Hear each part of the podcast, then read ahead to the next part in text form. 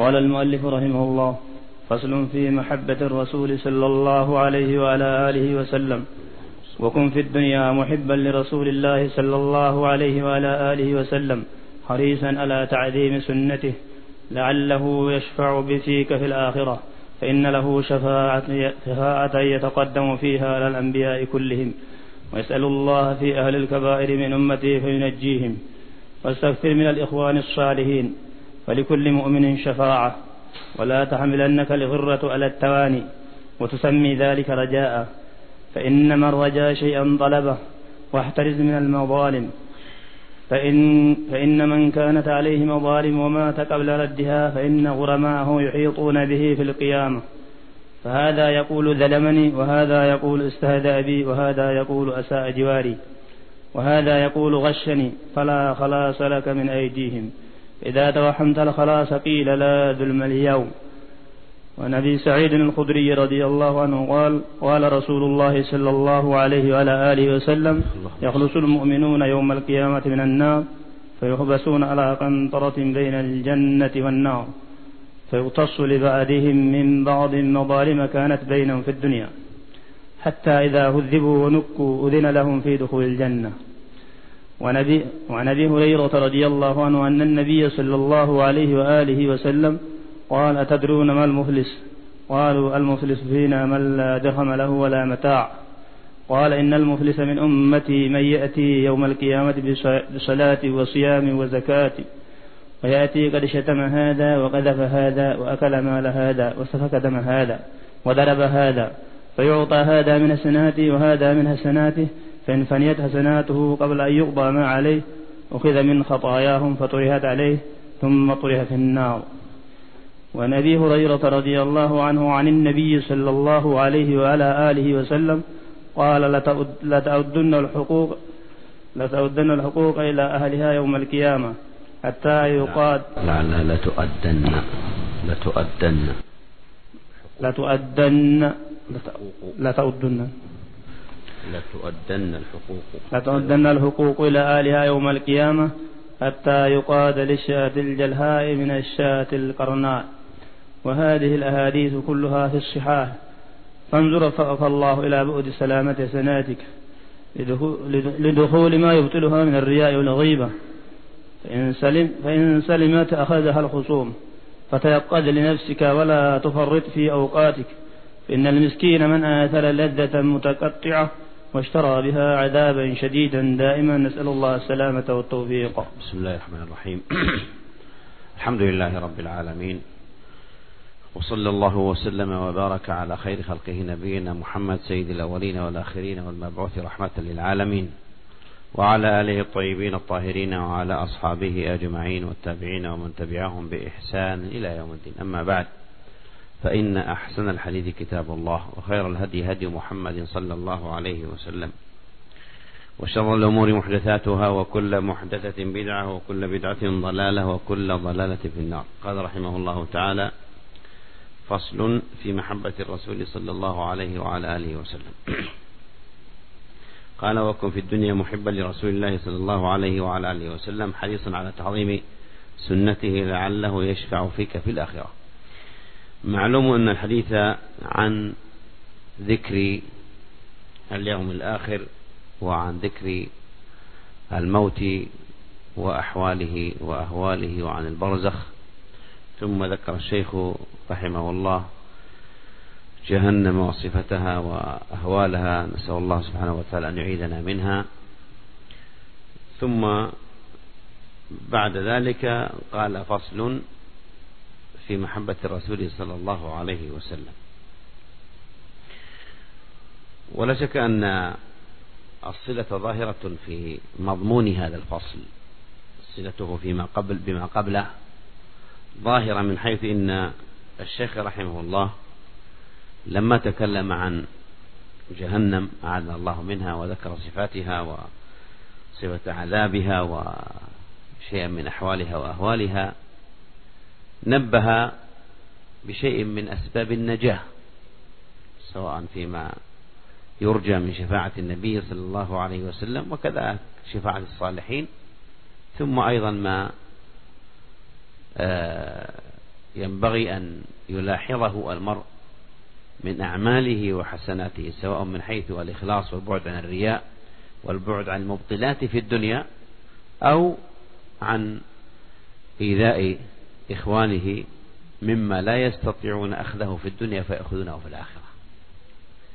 فمن هنا كان هذا الفصل مناسبا من هذا الباب لكن آه، التصريح بعنوان الفصل بمحبة النبي صلى الله عليه وسلم قد يكون آه، إما من اختلاف النسخ أو اجتهاد من بعض المعلقين لأنه لو قال فصل وكن في الدنيا محبا لرسول الله صلى الله عليه وسلم إلى آخره لعله يشفعون لك لكان أظهر. لأن الفصل ليس خاصا بمحبة النبي صلى الله عليه وسلم. وإنما هو فصل أعقبه الشيخ بعد ذكر كلامه على ذكر صفة جهنم ليذكر شيئا من أسباب النجاة. فليس معقودا خاصة لمحبة النبي صلى الله عليه وسلم. وإن كان هذا سبق الإشارة إلى شيء منه في في ثنايا الكتاب و وإنما مقصود الشيخ هنا بذكر شيء من أسباب النجاة. ولا شك أن من أعظم أسباب النجاة محبة النبي صلى الله عليه وسلم. ولهذا ذكر المحبة وذكر رجاء الشفاعة وذكر الاستكثار من الإخوان الصالحين وذكر أيضا البعد عن عن إيذاء الناس والبعد عن المظالم وكذلك أيضا تحري الإخلاص والبعد عن الرياء. والبعد عن الغيبة والنميمة ونحو ذلك مما هو مفسد الأعمال ومحبط لها ومنقص لها. فمن هنا كان هذا الفصل مناسبا لما قبله وليس خاصا وليس معقودا للحديث عن محبة النبي صلى الله عليه وسلم إنما ذكر المحبة باعتبارها من أعظم الرجاء والأمال في نجاة العبد.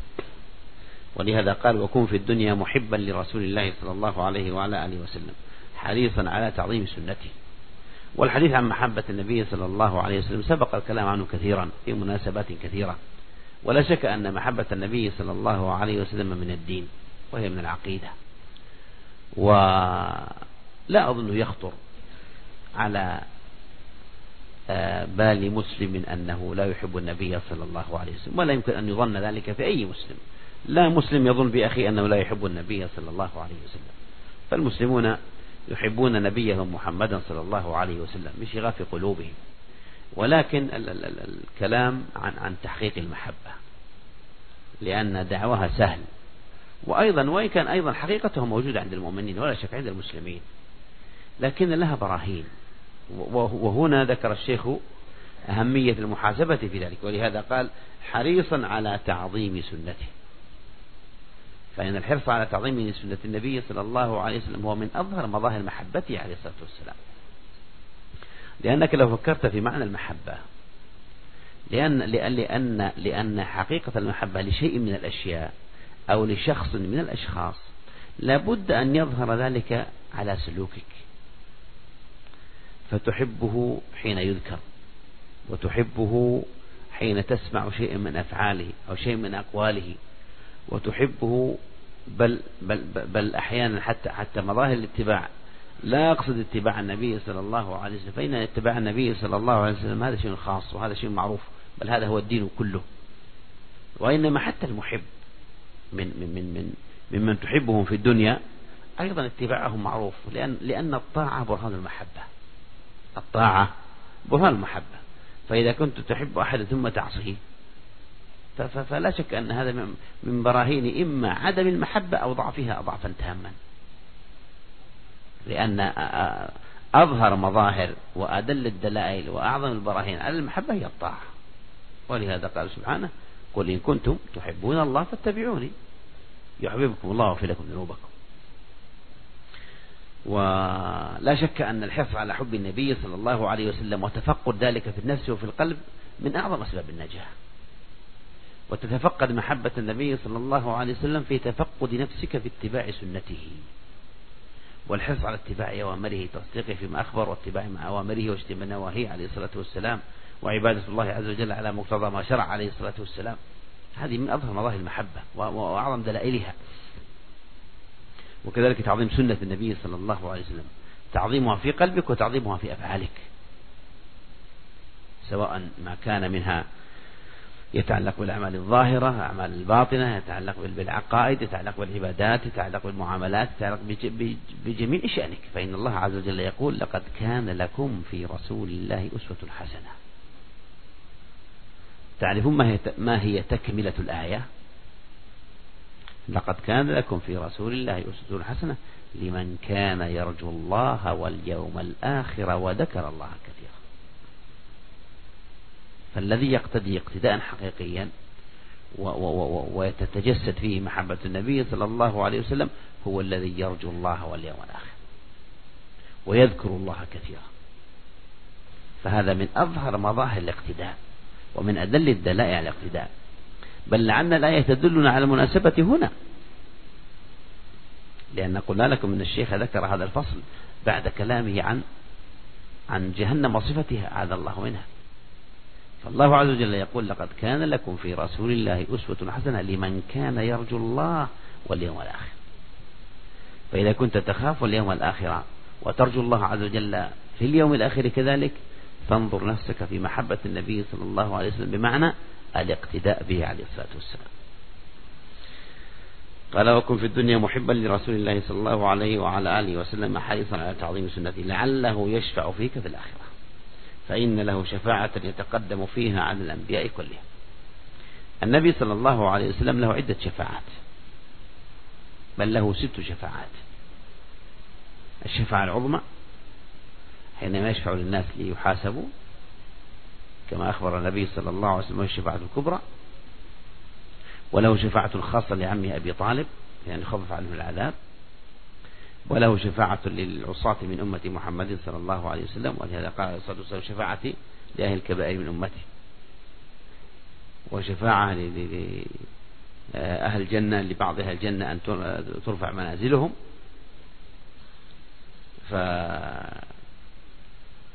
ولا شك أنك آه، ترجو شفاعة النبي صلى الله عليه وسلم. ولكن أبا هريرة رضي الله عنه سأل النبي صلى الله عليه وسلم. قال يا رسول الله من أحق الناس بشفاعتك؟ فقال النبي صلى الله عليه وسلم من قال لا إله إلا الله خالصا من قلب أو كما قال صلى الله عليه وسلم. فشفاعة النبي صلى الله عليه وسلم لابد أن يحرص العبد على أن يكون موحدا مخلصا. ولهذا قال هنا أيضا الشفاعة لأهل الكبائر من أمتي. فطبعا الكبائر مع الشرك ولا شك أن الشرك هو أكبر الكبائر لكن الله عز وجل ذكر أن الشرك لا يغفر إن الله لا يغفر أن يشرك به ويغفر ما دون ذلك لمن يشرك أما الكبائر ما دون الشرك فهذه ترجى شفاعتها. ومع هذا يبقى المسلم على وجل وعلى خوف.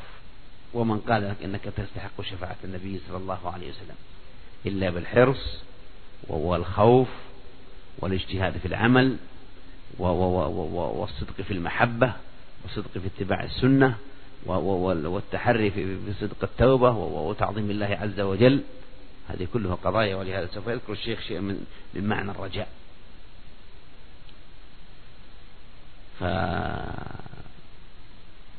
ترجو شفاعة النبي صلى الله عليه وسلم بالاجتهاد بتعظيم سنته ومحبة وتحقيق محبته عليه الصلاة والسلام. قال فإن, فإن له شفاعة يتقدم فيها على الأنبياء كلهم ويسأل الله في أهل الكبائر من أمته فينجيهم. قال واستكثر من الإخوان الصالحين فلكل مؤمن شفاعة. كذلك أيضا الصالحون يشفعون والأولياء يشفعون والملائكة تشفع والأطفال يشفعون. ولا شك أن هذا كله يرجع. الإنسان يرجو كل هؤلاء. والاستكثار من, من, من, من, من الصالحين من حيث الجلوس معهم واتخاذ بطانة صالحة والبعد عن قرناء السوء وجلساء السوء وتخير الجلساء الصالحين والاستكثار منهم ولا شك أن هذا ينفع. و ولكن هذا لا يعني طبعا أن يسألوا من دون الله.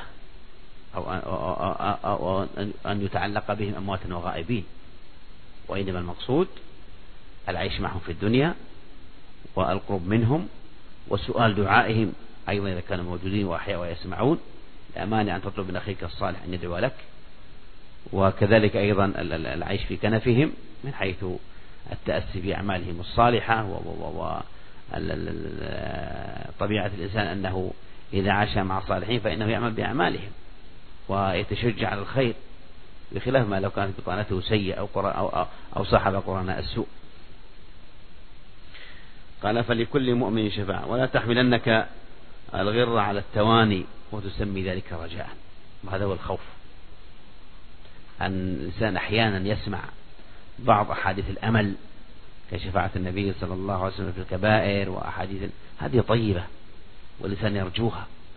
لكنه لا ينبغي أن أن أن, أن يدعوه ذلك إلى إلى إلى الغرور ويدعوه ذلك إلى إلى الكسل وإلى عدم العمل لأن هذا غرور. ولهذا قال لا تحملنك غر على التواني وتسمي ذلك رجاء. فالرجاء ليس بالكسل ولا بالتواني. ولهذا قال فإنما الرجاء شيئا طلبه. وهذه قاعدة يا إخواني إذا كنت إذا كنت صادقا في الرجاء فإنك تسعى في الطلب.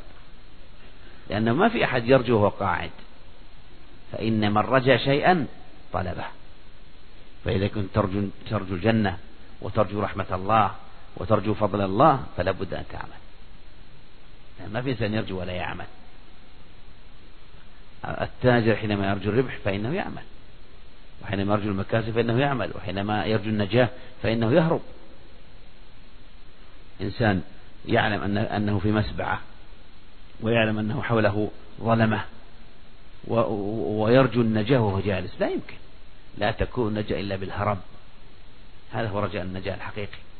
ولهذا قال فإنما الرجاء شيئا طلبه. واجعلوا هذه قاعدة. أما الرجاء مع الكسل والرجاء مع عدم العمل هذا لا شك أنه من غرور الشيطان. قال واحترز من المظالم. وهذه من أعظم الوصايا. من أعظم الوصايا.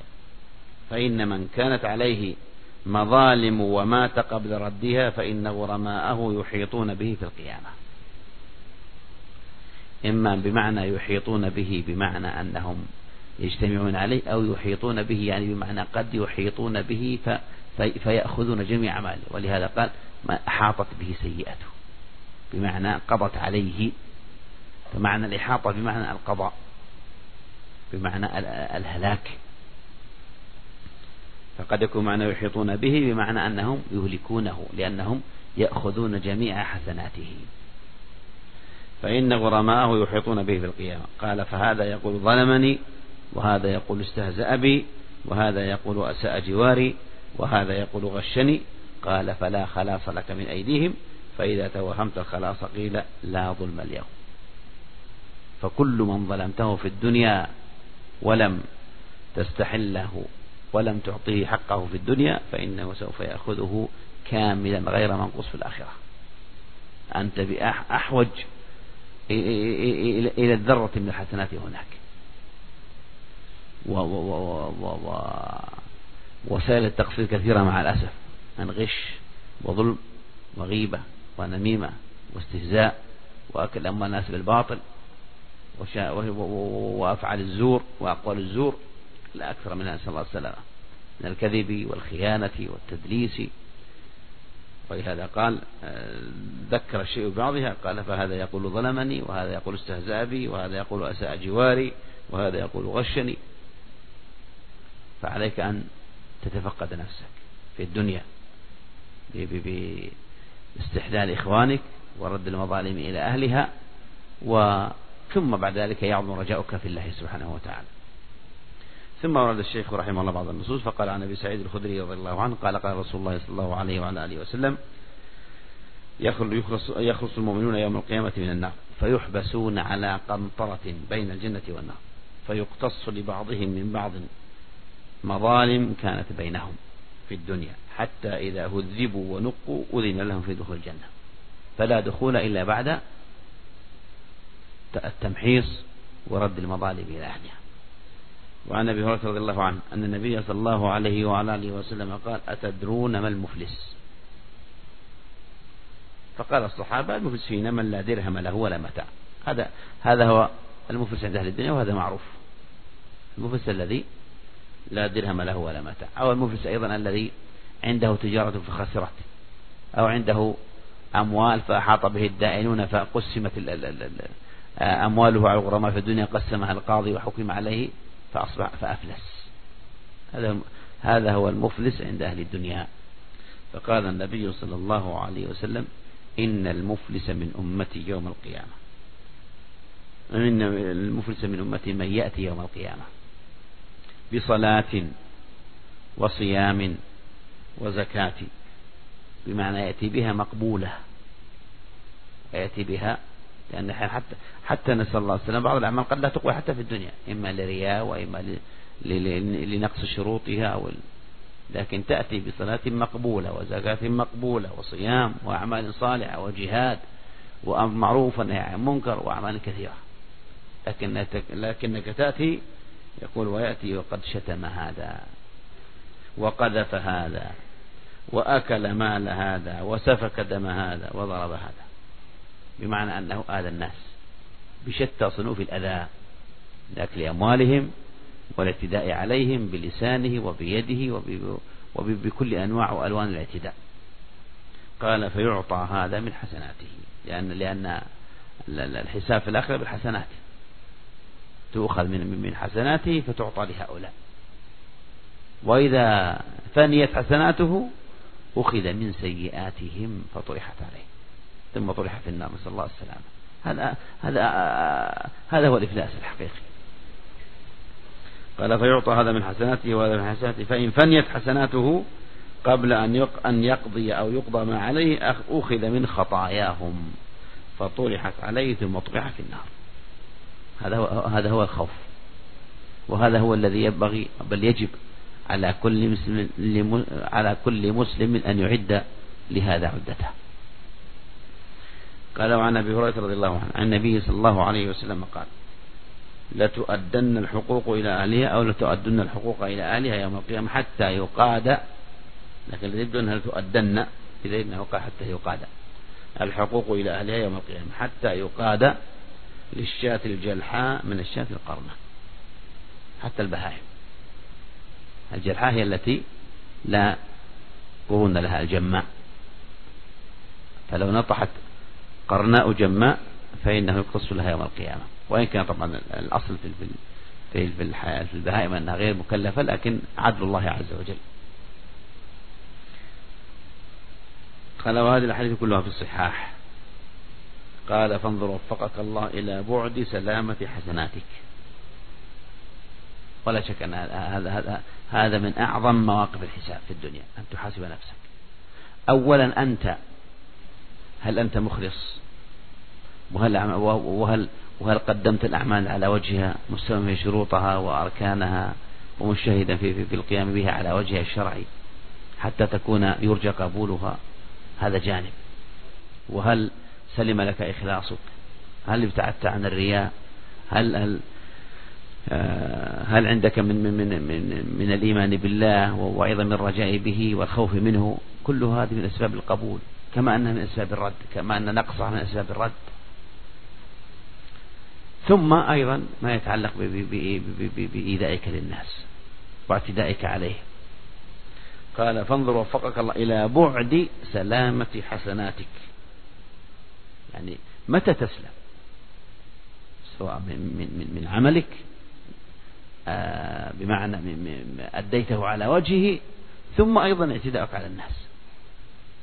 قال لدخول ما يبطلها من الرياء والغيبة. فإن سلمت أخذها الخصوم. إذا إذا سلمت من من وكما قلنا قبل قليل يأتي يوم القيامة بصلاة وصيام وزكاة يعني مقبولة. مستوفية الأركان والشروط وأداها على وجهها لكن ومع هذا هناك أمور أخرى قد تؤدي إلى ألا تستفيد منها وهي ظلمك للناس. فإن سلمت أخذها الخصوم.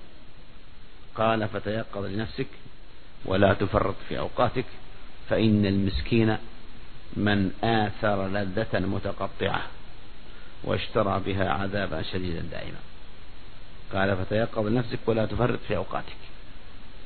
وهذا أيضا من أعظم المواعظ وخاصة الأوقات. ونحن أيضا في أوائل العام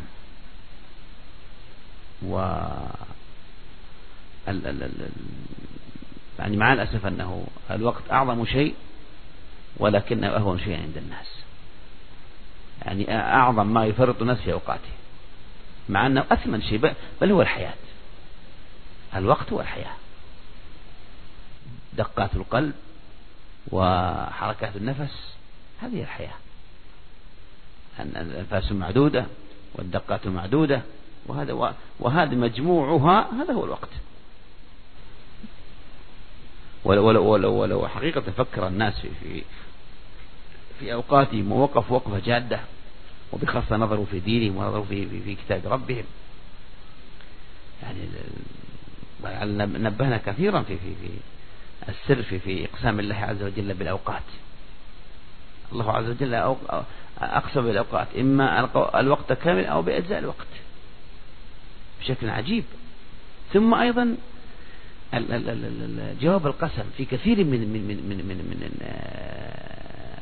من من من, من, القسم الذي الذي بأجزاء النهار بأجزاء الوقت والعصر إن الإنسان فيه خسر والليل إذا يغشى والنهار يتجلى قال إن سعيكم لشتى الشمس وضحاها والقمر إذا قال قد أفلح من زكاها وقد خاب من دساها فتلاحظ أن أن أن, أن, أن جواب القسم يتعلق بعمل ابن آدم.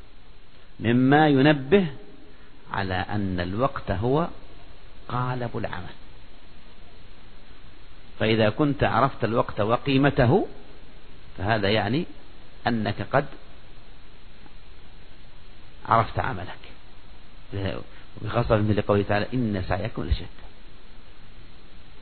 وقال والعصر إن الإنسان لفي خسر. ونبهنا كثيرا على على على على, على, على هذه السورة العظيمة سورة العصر لأنها متعلقة بالوقت. وبخاصة إذا إذا إذا تأملت كما قلنا جواب القسم وتأملت الناجون من الخسر وأسباب النجاة.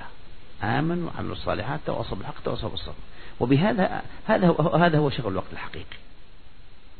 شغل الوقت الحقيقي بالإيمان والعمل الصالح فيما يتعلق بنفسك والتواصي بالحق فيما بين الأمة والتواصي بالصبر.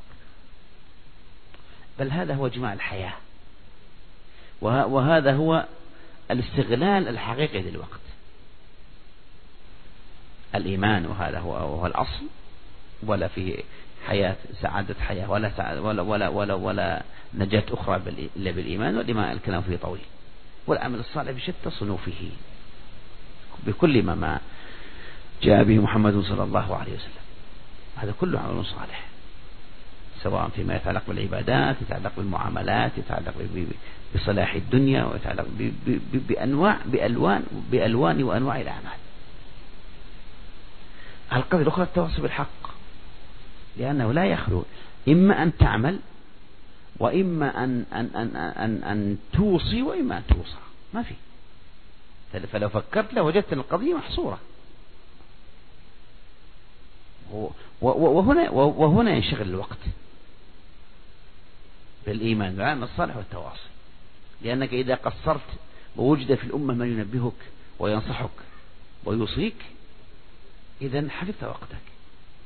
كذلك أيضا أنت لك مسؤولية نحو إخوانك والقضية في وباب هذا كما هو معروف الأمر معروف النهي عن المنكر. فلو أن الأمة آمنت وهي في نفسها عملت صالحا ثم تلافت نقصها تلافت النقص الذي يجري بين أفرادها في باب الأمر بالمعروف والنهي عن المنكر لأن هذا هذا وظيفته. وظيفة الأمر بالمعروف والنهي عن المنكر هو أنها تبقى الأمة على المعروف وتجتنب المنكر. لأن لأن لأن الغفلة والترك الناس بطبيعتهم إذا غفلوا أو أو أو تركوا فإنهم يتجهون إلى الأسواء وينحدرون. لأن المعاصي والمهالك انحدار والانحدار سهل. بينما النجاة والصلاح هذا علو والعلو صعب. ولهذا كان من علامات خيرية الأمة وبقائها أن يبقى سوق الأمر بالمعروف والنهي عن المنكر قائما وهذا هو باب التواصي بالحق. التواصي بالصبر هذا هو الحافظ الآخر وهو أن طبيعة الذي يعمل سواء لنفسه أو لغيره يصيبه ما يصيبه إما من كلل في نفسه وملل وإما من صدود من الآخرين. وهذا أيضا سنة الله عز وجل أيضا في الدنيا.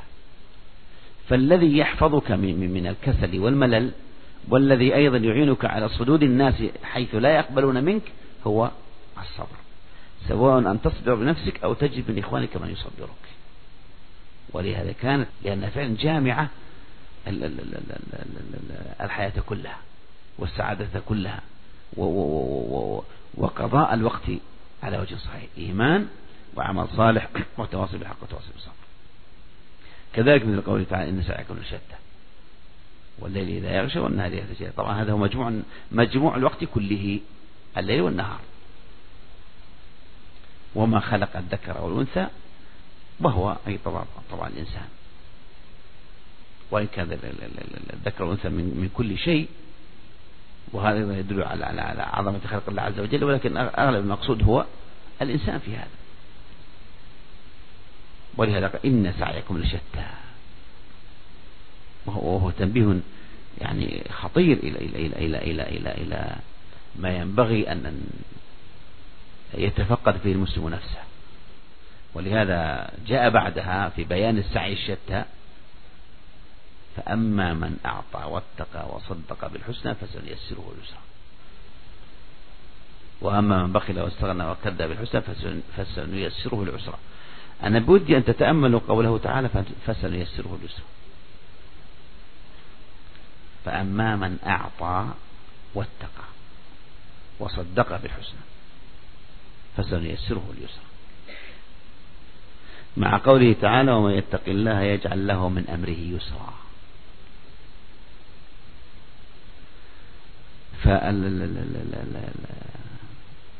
فالتيسير لاحظا أن هناك ارتباطا بين التيسير وبين العمل وبين البذل. فأما من أعطى واتقى وصدق بالحسنى. التقوى كلمة جامعة. صدق بالحسنى يتعلق بالإيمان والعقائد. أعطى. وإن كانت السورة سياقها فيها جانب كثير فيما يتعلق بالمال. سورة الليل كلها كثير ما يتعلق بالمال. ولهذا جاء, جاء, جاء التخصيص بالإعطاء. ولهذا جاء مقابلها وأما من بخل واستغنى. وكذب بالحسنى فسنيسره العسر. ولهذا قال وما يغني عنه ماله إذا تردى. إن علينا الهدى وإن لنا للآخرة والأولى.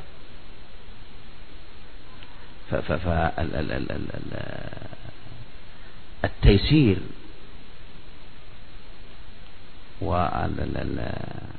الذي يكتبه الله عز وجل للعبد في الدنيا هو هو نتيجة الأعمال ما في تيسير من غير عمل. وهذا يدل على أولا على على آه، طبيعة ديننا وعلى أنه آه، فعلا يعالج النفس البشرية بطبيعتها وأنه حق من عند الله عز وجل. فالتيسير واليسر الذي يبتغيه كل أحد لا يكون إلا بالعمل. فمن عمل واتقى يسر الله عز وجل له اليسر ومن أخذ بجوانب السلب وأخذ بالتقصير دخل في العسر. ولهذا قال فأما من أعطى واتقى وصدق بالحسنى فسنيسره اليسر والتيسير اليسرى بمعنى ما, يس ما يكتب الله عز وجل له من هدوء ومن سعة بال ومن بركة وقت ومن ومن ومن أمن وأمان أمور كثيرة. و آه، من أطرف ما سمعت الحقيقة كنا مرة نتحدث في في في في ندوة من من الندوات. وحتى تحدث كنا حقيقة كنا نتحدث عن عن بعض من ما تبذله الدولة هنا من مشاريع خاصة تعالى كان كان الكلام في الحج.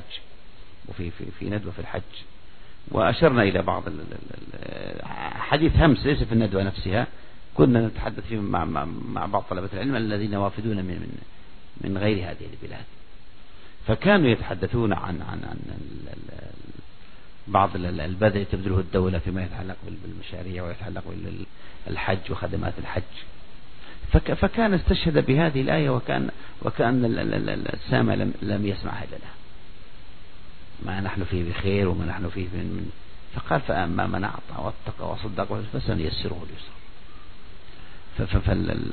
فآثار الأعمال وآثار ما يجتهد فيه العبد وبخاصة إذا كان آه، يصل رحمه ويبذل ويعطي فالله عز وجل ييسر له آه، ويفتح عليه من أبواب اليسر ما لا يعني ما ما ما لا يخطر له على بال فالمقصود أن أن أن أن أن, أن الوقت من حيث اجتهاد العبد في في في في آه، الحرص عليه والتأمل في آيات الله عز وجل في كتاب الله عز وجل وخاصة كما قلنا الله سبحانه وتعالى يعني أقسم بالوقت بمناسبات كثيرة والضحى والفجر والليل والشمس ضحاها والقمر والليل لا يغشاها والنهار جلاها في, في, في, في مناسبات كثيرة.